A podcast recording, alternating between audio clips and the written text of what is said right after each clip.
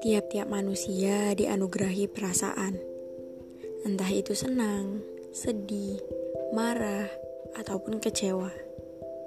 Lalu, rasa itulah yang akan dibahas di podcast yang diberi judul "Rasa dan Manusia", yang dirangkum berdasarkan apa yang dirasa oleh manusia.